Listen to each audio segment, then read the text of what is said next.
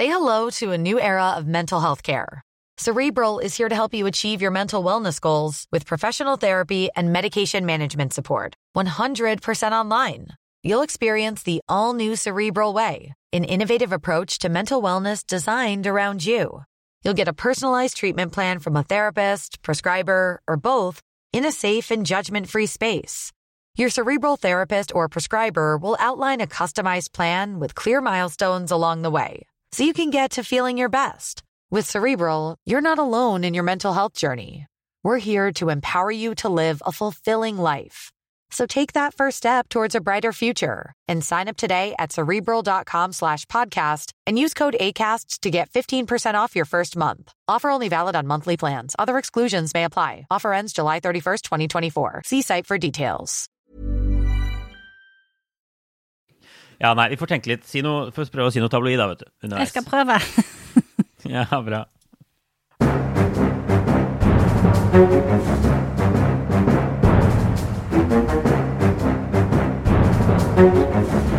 Da setter vi i gang med en ny episode Aftenpodden USA. Kristina Pletten, du er på plass i Oslo som vanlig. God dag, god dag til deg. Hei, Øystein. Eh, Det ser eh, tomt og rart ut hos deg der i New York. Ja, det er litt tomt og rart. Um, og vi har jo tidligere meldt i gruppa at jeg skal ikke være korrespondent her borte for alltid. Det er sannheten. Og, og jeg er i ferd med å avslutte korrespondentperioden min her, men jeg er ikke sånn, det, dette er en lang prosess over flere måneder, og sånn, så vi kan komme tilbake Ja. til detaljene. Planen er å fortsette med Aftenpodden USA eh, og mye sånt. Men det kommer altså en ny mann her i august og skal ta over eh, jobben min. Kjetil Hansen, som vi også håper å ha med på podden og sånn eh, etter hvert. Så nå har flyttefolka vært der. da Det har vært en busy påske. eh, Med, med utpakking og, og greier. Så nå er det bare litt sånn møbler og sånn igjen. Kan jeg kanskje få igjen noen av bøkene mine, da? Etter hvert? Ja, det er, noen av de er nok kanskje solgt slash gitt bort. Noen av de er nok med på lasset. Vi får se hva som dukker opp i Oslo eh, om hva er det, seks måneder, eller hvor lang tid det tar. Det tar jo helt sjukt lang tid å få sendt det. Nei da. Men noen- Ja, for dette skal gå med skip over Ja, ja, ja, dette er skip. Fly, det er ikke flyfrakt, dette her. Så dette tar Nei. tid. Dette tar tid. Det er bare å smøre seg med tålmodighet. Eh, har du hatt en bra påske, eller? Du, ja, jeg har hatt en uh, rolig uh, påske, Uh, men faktisk innviet terrassen min og satt ut puter i sofaen og sånn, og, fordi at det var liksom noen dager med solgløtt, da. Ja. Så jeg føler at nå er våren på en måte innviet. Lite Ja. i hvert fall. Jeg er på en vei nedover liksom bucketlisten min, de siste tingene jeg må gjøre her på, på de siste månedene. Og jeg tror det er flere år siden jeg sa på poden at jeg skulle, hadde som mål å gå på rulleski i Central Park. Eh, og nå er det altså blitt gjennomført. Endelig, for første gang. Jeg tok mot til meg en tidlig morgen her, eh, og jeg er jo tidligere oppe nå som jeg har fått liksom unge og sånn, så det kommer seg opp i sekstiden, for å si det sånn. Eh, Og da eh, freste jeg rundt flere runder, gikk 23 km på rulleski, og jeg angrer sånn på at jeg ikke gjorde det før. Det var en helt fantastisk opplevelse, må jeg bare si. Var det synes folk det var rart? Folk synes jo det er rart, men jeg la dette ut på Instagrammen min, og som jeg også skrev der, dette er jo ikke engang blant de 100 rareste tingene som skjer i Central Park den dagen, til tross for at det er ganske rart. Så etter å liksom ha tilbrakt så mye tid, da, jeg bor jo rett ved siden av parken her, så har jeg bare tenkt at dette her, eh, dette liksom en tullete nordmann på rulleski, det tåler, det tåler folk. Eh, Og det er virkelig en bra, bra rulleskirunde, altså den asfaltrunden rundt Central Park. Så det kan Ja. anbefales til alle som Det er jo en sånn eh, liksom en loop av eh, asfaltert vei som går rundt hele parken, og der kan man Ja. jo også gå på rollerblades, for eksempel, har jeg gjort noen ganger. Sykling kan man drive med der. Og det er mye Mm. det er det jeg mener det er mye rart. Det er en som sykler rundt og synger karaoke der, ikke sant. Så da er det ikke rulleski-nordmannen det rareste likevel. Så, så, så bare ja, Fantastisk påske. Eh, jobbe meg gjennom bucketlisten. Men vi, vi skal snakke om litt andre ting i dag enn en rulleski. Selv om vi sikkert kunne snakket om det òg. Det er kjempespennende, syns jeg. Men Ja, det kan om- du få gjøre alene. Ja. vi skal snakke om dommere eh, og rettssystemet i USA, som på mange områder er bare helt annerledes enn det vi kjenner hjemme. Um, og det har vi fått mange eksempler på den siste uken her. Det har sett store samfunnsomveltende ting, og vi skal gå gjennom noen av de og, snakke litt om hvor rettssystemet i USA er på vei. Det som var så viktig etter stormingen av Kongressen og Trumps forsøk på å stjele valget i 2020. Og så får vi bare ta litt andre sånn, øh, ting på agendaen her. Vi har et liveshow i Oslo øh, tirsdag 18. april.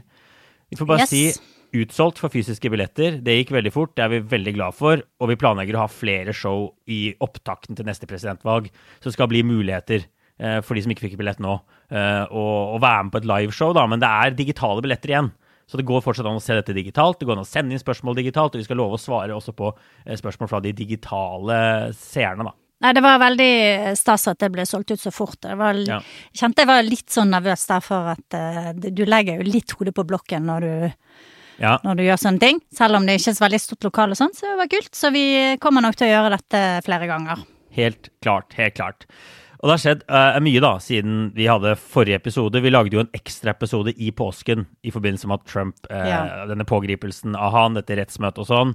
Uh, men hvis vi liksom går to uker tilbake, er, er det veldig veldig mye. Vi får ikke gått gjennom alt her.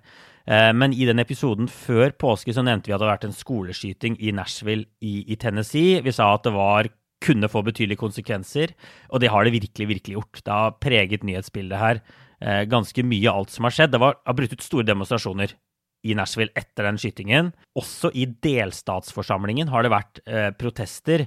Og det var sånn at under en sånn møte i delstatsforsamlingen der, eh, så eh, var det sånn tre demokratiske lokalpolitikere. De, eh, de gjorde flere ting. da. De brøt egentlig liksom lovene for delstatsforsamlingen. De snakket om våpenlover når de egentlig skulle diskutere andre ting, fordi de mener de ikke får lov til å diskutere våpenlover av det republikanske flertallet. Og så ble de på en måte med demonstrantene inne i delstatsforsamlingen. Blant annet så ropte de med sånn ropert eh, foran, foran spikerens eh, taburett der og sånn. Eh, så de gjorde en del ting for, for å bryte lovene, og så endte det jo med at republikanerne, da, som har full kontroll i dette kammeret, slo knallhardt tilbake. Det ble på en måte ikke en bot eller en, eller en reprimande. De valgte å kaste ut flere av disse politikerne fra delstatsforsamlingen. Det var to unge svarte menn og en eldre hvit demokratisk kvinne da, som var med på, på disse demonstrasjonene. og De valgte da å kaste ut de to svarte mennene, mens hun eh, hvite kvinnen fikk berge plassen sin eh, med nød og neppe. Så dette var liksom ikke heldig håndtert på noen måte. Altså Mange mener at dette var en overreaksjon fra republikanerne, udemokratisk, men også med betydelig rasistiske undertoner. Ja, og det, det er jo sånn at den delstatsforsamlingen har regler som gjør at man kan kaste ut medlemmer eh, dersom de på en eller annen måte har opptrådt eh, på en måte som ikke er i tråd med liksom eh, embetet, da. Ikke sant? Og det kan jo være mange ting hvis man har gjort et lovbrudd, eller hvis man har eh, på andre måter eh, oppført seg eh, uverdig. Så, så det i seg selv, at det fins en sånn regel, er jo ikke så rart, men eh, her ble den brukt på en veldig eh, merkelig måte, og eh, det er jo litt sånn at man tenker at det, det grenser mot uh, overgrep mot demokratiet. Mm. De republikanerne, eller noen av republikanerne, uh, sammenlignet jo til gjengjeld disse protestene med 6. januar og stormingen av Kongressen, ikke sant? som også virkelig har satt uh, sinnet i kok etter den skoleskytingen. Det har blitt, egentlig vært ganske sånn grov og røff debatt. Så har det også vært en annen skyting i Ja. Kentucky, som også får et etterspill. Og merkelig nok, i begge disse to eh, masseskytingene så har guvernørene i delstatene kjent noen av de som ble drept. Så det har liksom slått litt personlig inn eh, for eh, politikerne. Så det har vært eh, fornyet oppmerksomhet rundt hele dette her temaet med masseskytinger i USA de siste Mm. ukene. Ja, USA har blitt ganske sånn nummen eh, mot masseskytinger. Det skjer hele tiden sånn, men det er interessant å se at det fortsatt kan få konsekvenser, da, som det også fikk i Texas i fjor sommer, da de faktisk endret lovene. Men det er langt fra alltid det gjør det, da. Altså, hovedregelen er jo at det, det betyr eh, ingenting sånn politisk. Er det noe annet vi må ha med på denne lista? Vi har nevnt et par skytinger allerede. Ja, en av de tingene som kanskje få har fått med seg, er at Campbell Harris har vært i Afrika. På Ja. en reise der. Eh, hun skulle blant annet besøke huset til besteforeldrene, men så viste det seg at det var revet. Eh, men har også vært eh, på hugget med Bidens klimapolitikk og brukt reisen til å fremme klimasaken. Eh, Kamala Harris har også frontet Bidens klimapakke i USA på en del eh, reiser eh, internt i landet, så hun begynner å kanskje eh, øke profilen sin på en annen måte da, og det er jo litt interessant i seg selv.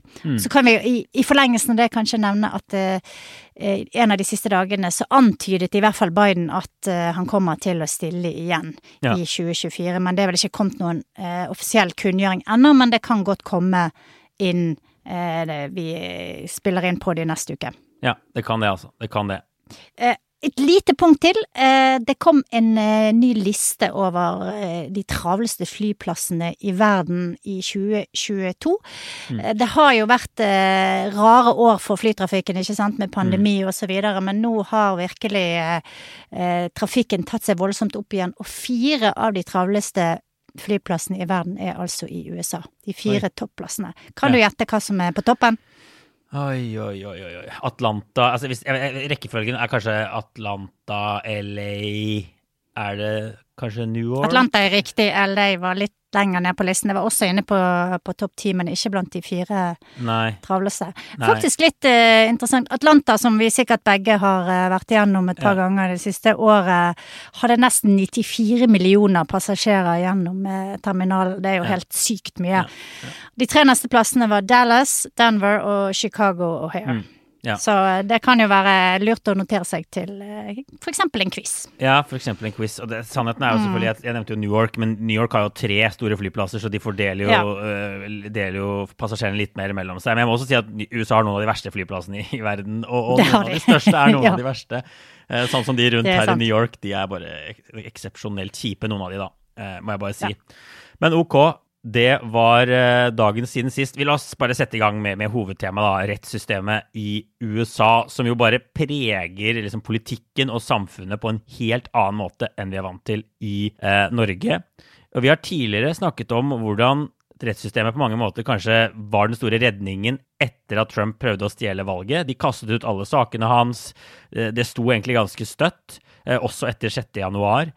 Men jeg må jo bare si mm. at de siste årene så har det fremstått som at også rettssystemet nærmer seg en slags tillitskrise. Eh, det fremstår i hvert fall som mer og mer politisert, eh, og, utsettes for noen av de samme kreftene som, som, resten av det politiske USA har gjort. Ok, men La oss bare starte denne episoden. da, Vi skal gjennom mange ting, men la oss starte i Wisconsin. Og det eh, mange eksperter har kalt årets aller aller viktigste valg i USA. I år er det jo ikke presidentvalg eller mellomvalg eller den type ting, men det er fortsatt mange viktige valg rundt omkring.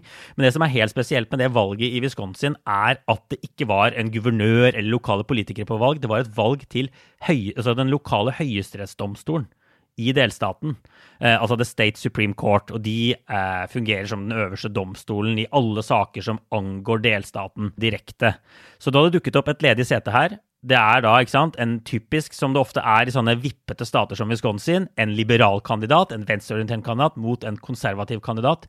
Og det som var fascinerende, var at den eh, liberale, venstreorienterte kandidaten vant en knusende seier. Hun, hun som heter altså Janet Protosevic, vant med 10 prosentpoeng i det som vanligvis er en vippestat. Og det var en stor, stor, stor stor eh, kveld for, eh, for venstresiden i USA, som nå har da tatt tilbake flertallet i denne høyesterettsdomstolen etter, etter 15 år. Eh, så det ses på som veldig, veldig viktig. Ja, og eh, dette her var jo interessant. Wisconsin er en interessant stat, har områder som er veldig liberale, og så er stort eh, sånn eh, rurale områder som, eh, som, er ganske konservative. Denne dommeren, Janet Prot Eh, hadde kallenavnet No Jail Janet, gitt sikkert av noen som ikke liker henne så godt. Eh, mm. og var jo, eh, eller er, en type dommer som høyresiden ser på som sånn altfor snill med kriminelle, og altfor mm. liberal på en del sånn prinsipielle ting. Men det som kanskje har vært den viktigste saken i dette valget, er jo abort. Og det mm. dukker opp igjen og igjen og igjen nå som en uh, veldig viktig politisk uh, kampsak i alle ja. mulige typer valg. Og jeg tror mange på venstresiden ser på dette resultatet, denne voldsomme seieren til Protosevic, som et eksempel på at abortsaken fortsatt er veldig potent. Selv om det nå har gått nesten et år siden eh, USA fjerna den nasjonale abortloven, altså dommerne i Høyesterett i Washington fjerna den nasjonale abortloven, så er det fortsatt en sak som motiverer, eh, motiverer eh, velgerne i, i, stor, stor grad. Og dette, denne kampen da, som hun Protosevic til slutt vant mot denne høyre, utfordreren fra høyresiden, er også veldig sånn spesielt i amerikansk målestokk. Jeg ser de skriver at USA aldri har sett maken. Det ble brukt 40 millioner dollar, altså 400 millioner kroner, på høyesteretts, eh, denne høyesterettsduellen. Og det er jo også sånn at disse dommerne formelt ikke tilhører noe parti.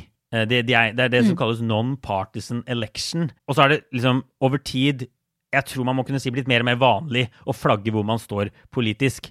Eh, og Protosevic, hun gikk jo ganske langt i å gjøre det. Hun kunne ikke si hvordan hun ville dømme i saker, det skal de ikke si, men hun snakket veldig mye om sine personlige verdier, som at en kvinne har rett til å velge spørsmål om abort. Hun sier at måten disse lokale politiske kartene i Wisconsin er utarbeidet på, er de, de er rigget for høyresiden. De har altså tegnet distrikter som gjør at høyresiden har eh, flertall, stort flertall, i delstatsforsamlingen, selv om det veldig, som vi sier, er en vippstat. Det er veldig veldig ofte 50-50. Sånn, velgerne stemmer er splittet omtrent på midten. Så de har liksom rigget eh, spillet for seg selv. Så det er det liksom venstresiden nå håper på, er at det vil få store konsekvenser i delstaten. At hun har blitt valgt inn, at de liberale dommerne har fått flertall.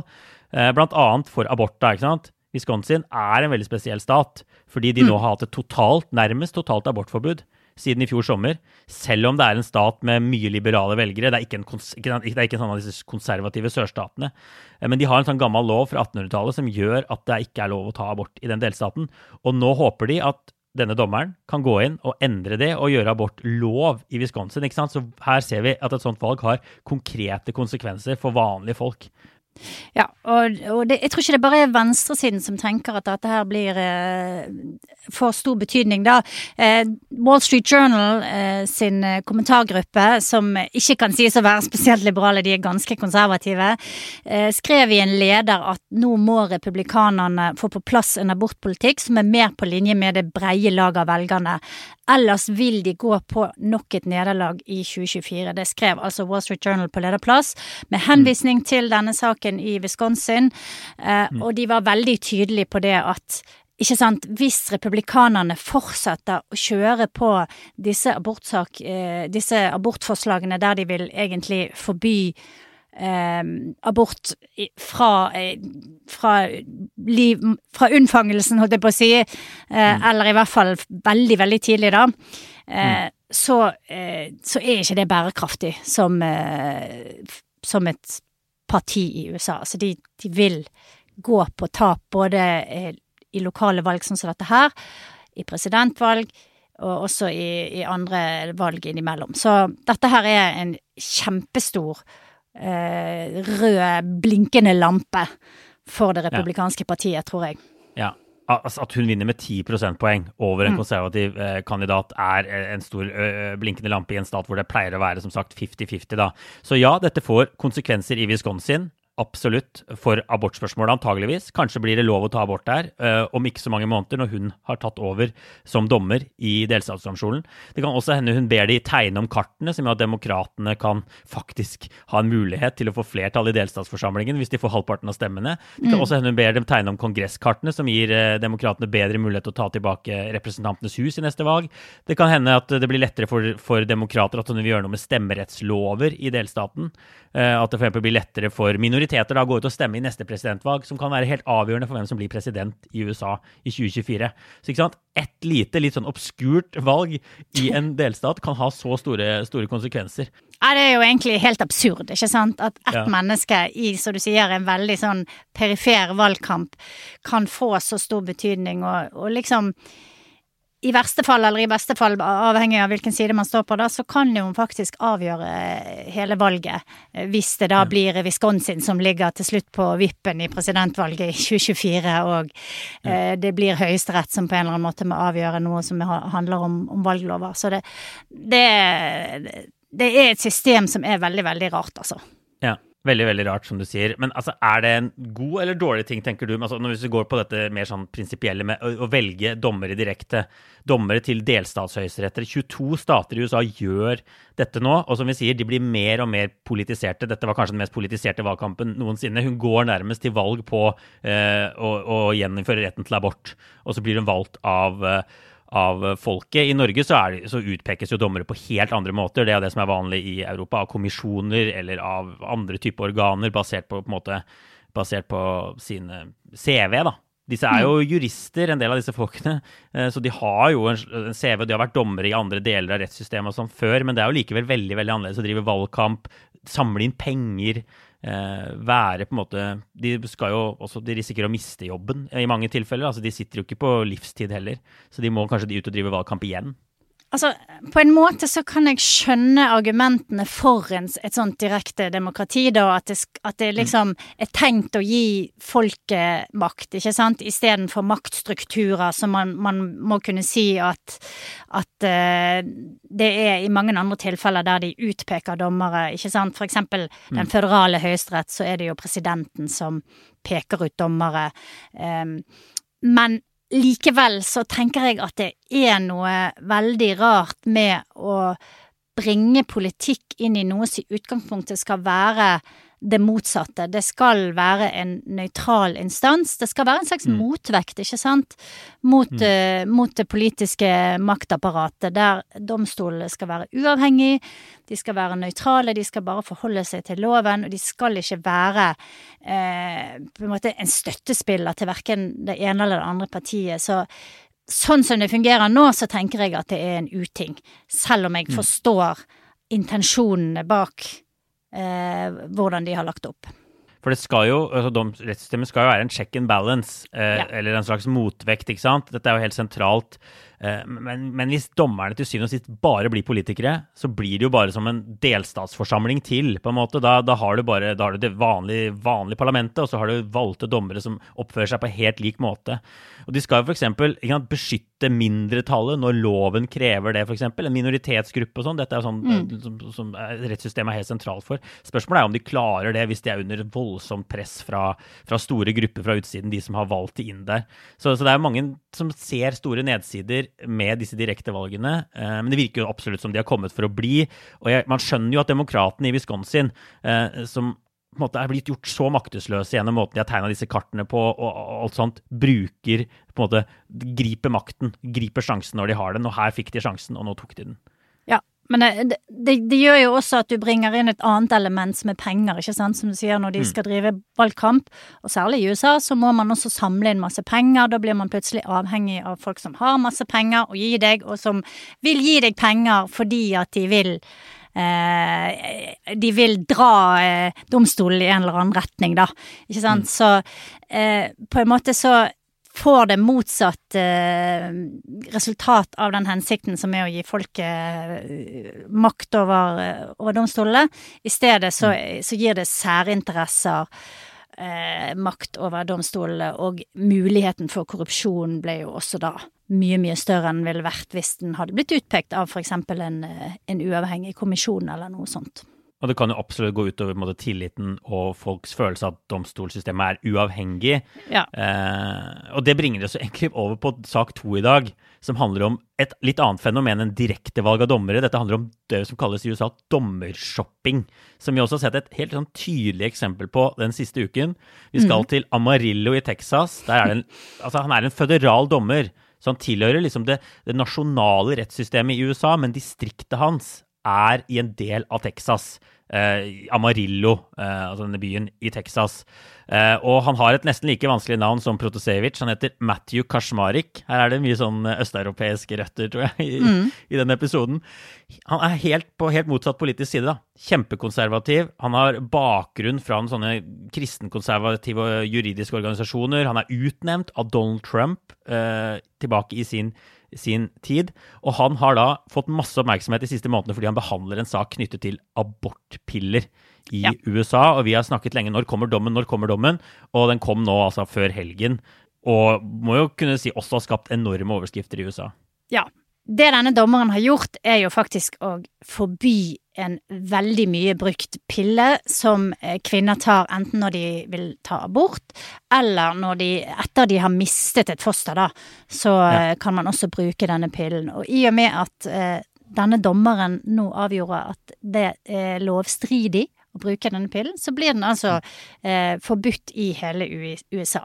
I prinsippet, skal sies, men så har det jo blitt utfordret av eh, andre instanser, og så det er ikke sikkert at den blir stående, men det sier noe om eh, igjen om eh, hvordan dette systemet er skrudd sammen når en mm. dommer i et eh, perifert distrikt i Amarillo, Texas, plutselig får eh, innflytelse over millioner av kvinners eh, liv og valg. Absolutt. absolutt. Det er dette som kalles uh, dommershopping. Da, for det er en gruppe abortmotstandere som har gått til sak for å forby uh, forby denne pillen. Som heter Mifepriston, forresten. Den har vært godkjent i USA siden år 2000 av dette legemiddeltilsynet som kalles FDA. Mm. Eh, men, men, denne abortmotstandergruppa hevder at FDA de gjorde ikke en god nok jobb da de godkjente den pilla tilbake i år 2000. At den jobben de har gjort, må, må strykes. At denne pillen må forby. At den setter, setter, kvinners helser i fare, sier de. ikke sant? Selv om den er brukt over fem millioner ganger siden år 2000. Den er helt vanlig. Dette er en del av regimet både i USA og Norge. Man tar først mm. denne pillen som, nå er, som skal nå forbys, som heter Mifepriston, som skal stanse utviklingen av en graviditet. Og så tar man en pille til som heter Misoprostol, som gjør at livmoren trekker seg sammen. Uh, det er liksom, er regimet i jeg tror, i, i, veldig, veldig, veldig mange land. Så mange mener jo denne argumentasjonen deres om at dette er farlig for kvinnen, er veldig, veldig tynn. Men Kashmarik hørte på dem, da. Og, og mener at dette, dette, stemmer, og at denne pillen må forbys i, over hele USA. Også for kvinner i New York, også for kvinner i California. Ja, og bare for å forklare veldig kjapt eh, forskjellen på det vi snakket om i Wisconsin og denne her dommeren i, i Texas. Så altså eh, den dommeren i Texas en føderal dommer. Mm. Eh, og det fins 94 sånne føderale distrikter i USA. Eh, og så hvis du anker i en av de eh, domstolene, så kommer du opp til noe som heter circuit court. Eh, der er 13 circuit courts, og så til, på toppen ligger da Høyesterett. Og det er Mm. For eksempel eh, saker som handler om eh, prinsipielle ting som, eh, som, kan liksom prøves mot føderale statutter eller eh, Grunnloven, som stort sett kommer opp for disse distriktsdommerne. Og når de da gjør, eh, tar en avgjørelse, så gjelder det for hele USA. Det som gjør eh, at disse dommerne i Texas er spesielt populære, for å si det sånn, blant mm. konservative aktivistgrupper og lignende, er jo at for det første så er det en del av disse distriktene som bare har én dommer, sånn at de er ganske sikre på hvilken dommer det er som behandler saken. Og for det andre, når de da eh, Når saken blir anket, så kommer den opp til den som heter Fifth Circuit Court, og det er da eh, et distrikt, eller en circuit, som omfatter Texas og Louisiana og Mississippi, og som regnes som den mest konservative av disse 13 circuit courtene i USA. Sånn at man er mm. ganske sikker da på at hvis man får det igjennom i district courten i Texas, så vil det også skli igjennom circuit courten, og dermed så får du det helt opp til Høyesterett. Så det er en slags sånn, eh, hva skal jeg si, fast lane til Høyesterett ja. på mange måter, dette her. Så, så, dette er altså fenomenet dommershopping. Og det er jo fascinerende å lese den dommen til Kashmarik. Da det er jo ganske åpenbart at de har valgt hans distrikt for å få en vennligsinnet dommer. De vil sikkert nekte for det, og så vil noen peke på at det, man gjør jo dette. Det er jo smart å gjøre det hvis man har en sak som man vil fremme, og at også demokratiske, venstreorienterte folk vil velge et annet distrikt med en dommer som uh, er tilbøyelig til å stemme i deres favør. ikke sant? Men når man leser dommen hans, ikke sant, så bruker han ord og uttrykk som vi kjenner fra abortmotstanderen. Han bruker 'abortionist' om abortklinikker. ikke sant? Ja. Han kaller et foster for uh, altså ufødt barn, altså en fetus for ufødt un unborn person, unborn child, bruker disse begrepene. Så det er tydelig mm. hvor, han har, hvor, han har, ideologien sin. Uh, og så er det fortsatt sånn at man kan få denne pillen i New York, da vi får bare si det. Det er uklart hva som skjer videre i denne saken, fordi han ga dem, uh, føderale myndigheter, en uke på ankesaken. Eh, altså Biden-administrasjonen og sånn, og det har de nå gjort, eh, og kommet med tilsvar og sånn. Så vi vet ikke akkurat hva som vil skje. Vi ser også at en del stater nå hamstrer denne pillen da, som står i fare for å bli eh, forbudt, så de skal ha den. Eh, og så sier de også at eh, man kan ta abort med bare den andre pillen som ikke blir forbudt, men at det kan ha en del eh, ja, konsekvenser. Det kan gi noen flere bivirkninger og den type ting. da.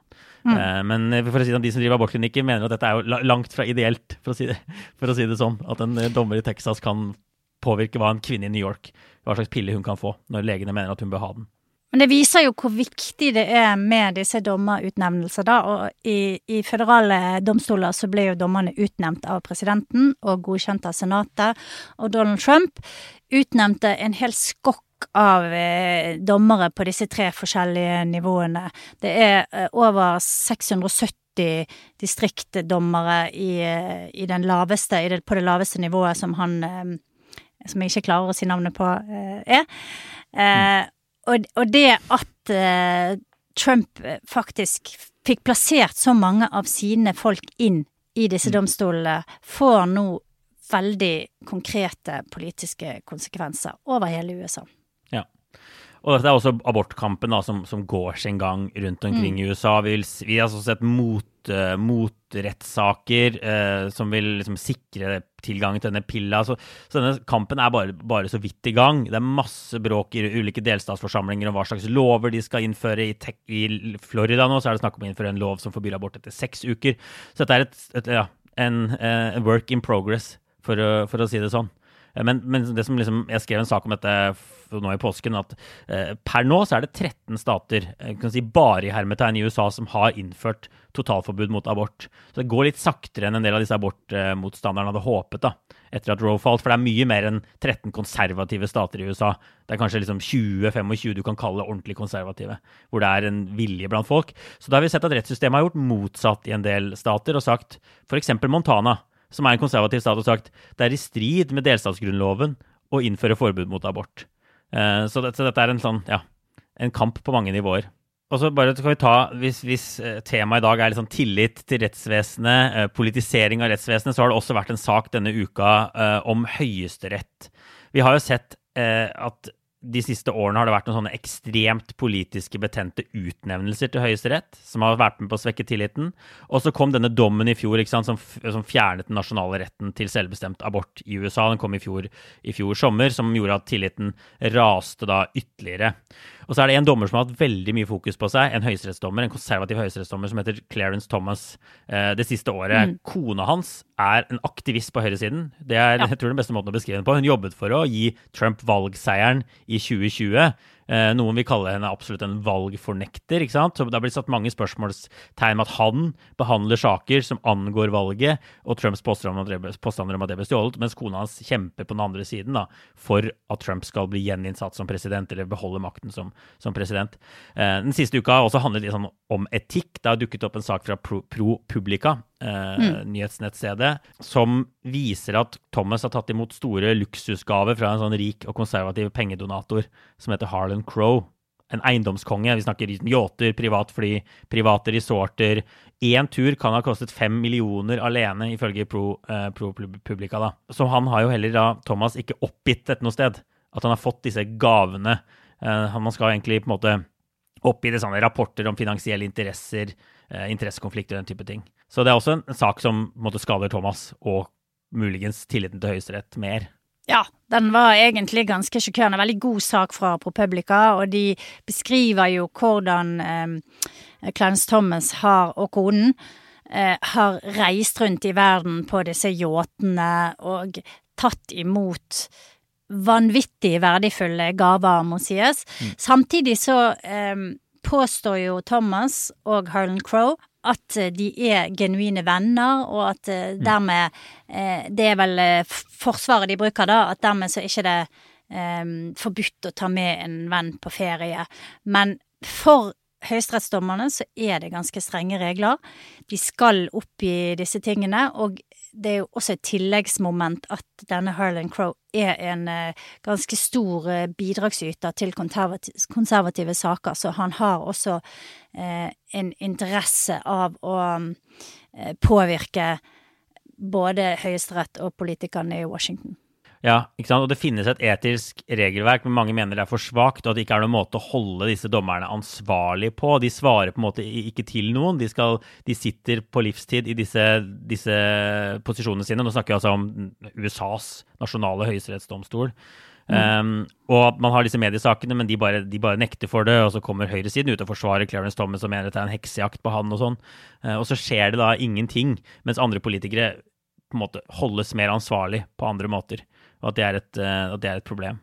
Jeg ser jo at det er en del politikere på venstresiden som ønsker å stille Clarence Thomas for riksrett.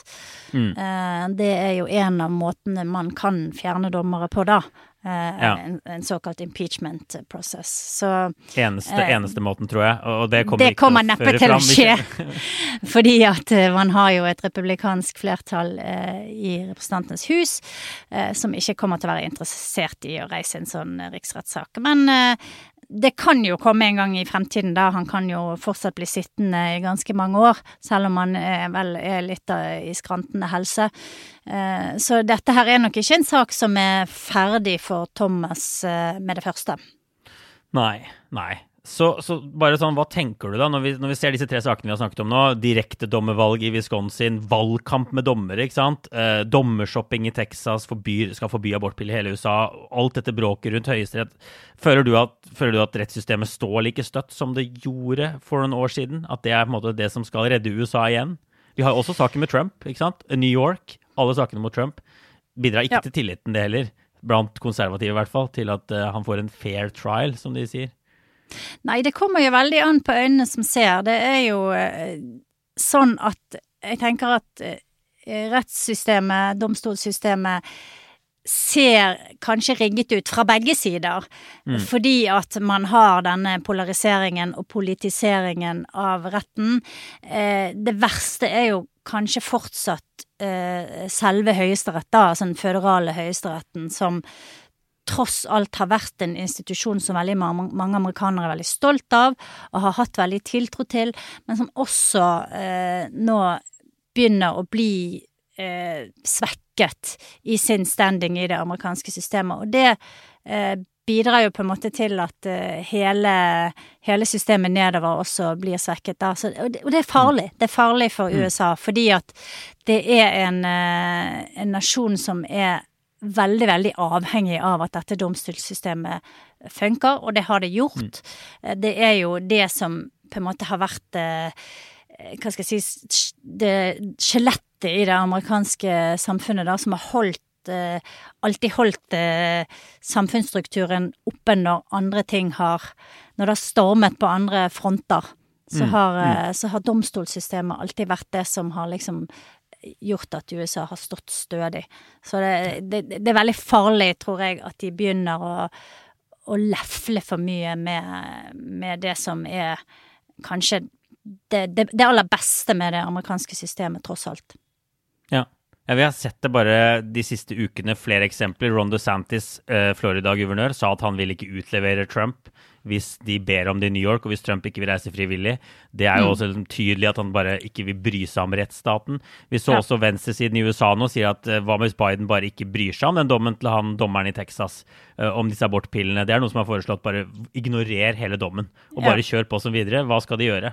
Og da ser vi jo et rettssystem uh, og en rettsstat som er i ferd med å forvitre ganske raskt. Hvis man begynner å, begynner å tenke det, at man bare ikke bryr seg om hva Høyesterett sier. Man bare durer på som før. De har ikke noe her, så hva skal de gjøre? Det er jo relativt radikale tanker.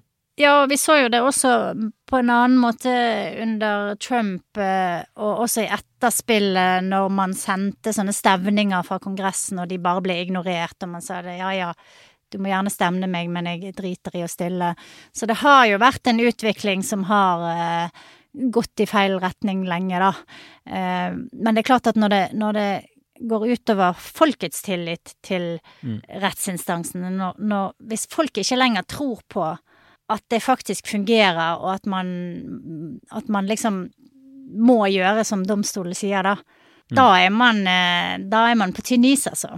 Ja, helt klart. Helt klart. Det var en av de litt mer sånn dystre episodene vi lager om utviklingen i USA. Men jeg tror vi bare får sette strek der. Og kanskje vi har noe litt mer lystig som obligatorisk refleksjon, eller?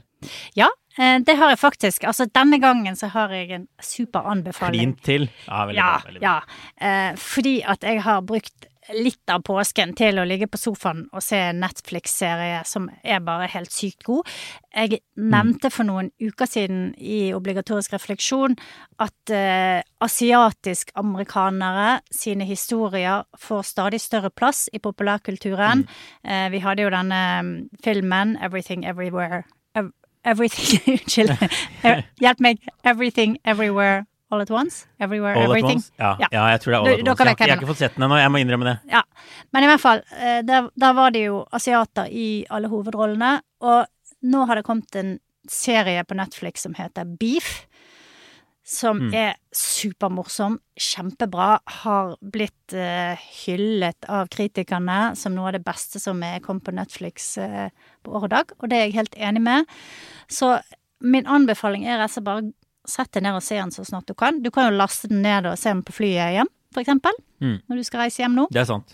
Det kan jeg vurdere. Det er ganske korte episoder, men det er liksom Den er morsom, den er ganske dyp, og så fanger den et eller annet med det amerikanske samfunnet som jeg nesten ikke vet hvordan jeg skal sette ord på, men der, det der sinnet og frustrasjonen som bobler under eh, overflaten veldig mange steder, da, og, og den derre higen etter det perfekte liksom upper middle class-livet som, som er så vanskelig å få tak i og oppnå, og frykten for at, eh, at man skal feile. Den har veldig mange lag, men den er eh, Ja. Jeg kan bare anbefale Ja. den på det aller varmeste. Ligger på Netflix. sa du. Ligger på Netflix, heter Beef. Ja. Veldig bra. veldig bra. Jeg har en, også en litt sånn lystig Eller lystig og lystig, det er en reiseanbefaling fra min Ja. egen påskeferie. Eh, Vi har endelig fått satt oss i bilen og kjørt til Pennsylvania Dutch Country, som også har vært et mål på disse årene jeg har, eh, har bodd her i USA. Det er altså der, eh, Dette er altså Amish-land. Ja, det er gøy. Så, ja, det er veldig, veldig, veldig veldig, veldig gøy, må jeg si. Så vi fikk, vi fikk sett eh, Amish Hva heter det? Amish-folk? si. Amish-folk, ja. Ja. Amisha. Eh, Vi fikk snakket med noen. Vi, Amisher, vi, vi kjørte hest og kjerre. De kjører jo ikke bil. ikke sant? Så, så Noe av det første som slår en når man kommer dit, er jo at det er, det er masse biler. For det er vanlige, vanlige amerikanere også. Og så kommer disse hestene og kjerrene innimellom sant? i veikryss, langs veien, midt i veien. Det er ganske fascinerende. Ja. ganske fascinerende. Vi, vi, fikk, altså, vi fikk sitte på med en eh, som het John. Uh, så, så ut, utstyrt med hatt og skjegg og, og, og hele pakka. Som fortalte litt også om, om livet og hvordan ting fungerer. og og det er jo, ikke sant, De er veldig opptatt av fellesskap og den type ting. De, har jo, de er jo liksom stuck i gamle dager. Det er jo hele noe av poenget. ikke sant? De bruker klær, gamle klær. Alle har ganske sånn lik klesdrakt, veldig tydelige regler og sånn. Men det John uh, forklarte oss, er at det, inne i Amish-communityen, samfunnet, så er det også veldig altså mye individualitet, mye debatter om hva de får lov til og ikke. Så det er en del som har fått seg mobiltelefon, men smarttelefon er ikke greit. Eh, blant annet, vi så en dame som gikk rundt med gressklipper som gikk på bensin. Det var greit så lenge man skjøv den selv, men han sa hvis du dro lenger sør i Pennsylvania, da var, da ville det no go. Så det er liksom, det er en konstant, sånn, konstant debatt om hva som er lov og ikke lov, da, og hva som på en måte gjør at de tar fokuset vekk fra religionen og Gud og det som er viktig, eh, og begynner å tenke på andre ting. Men de kjører fortsatt ikke bil. De kan ta buss hvis det er noe viktig. De kan bli kjørt i bil hvis det er noe viktig. Eh, Men ellers er det hest og kjerre som gjør at de ikke kommer så så langt. De er innenfor et ganske sånn begrensa område. Men kan de liksom bli operert og bli innlagt på sykehus og få moderne Ja. helsehjelp? Han nevnte en som til og med hadde dratt til Tyskland for å få moderne helsehjelp, og, og sånn, også til Mexico, hvor det er litt, hvor det er litt rimeligere. Uh, og da var det vel litt sånn at man kanskje ikke hadde sagt det nødvendigvis til biskopen, eller altså Det var litt sånn Litt sånne ting, da. Det- så- det er jo- det er jo fjusk, noe da. Slack, slack på reglene. uh, reglene.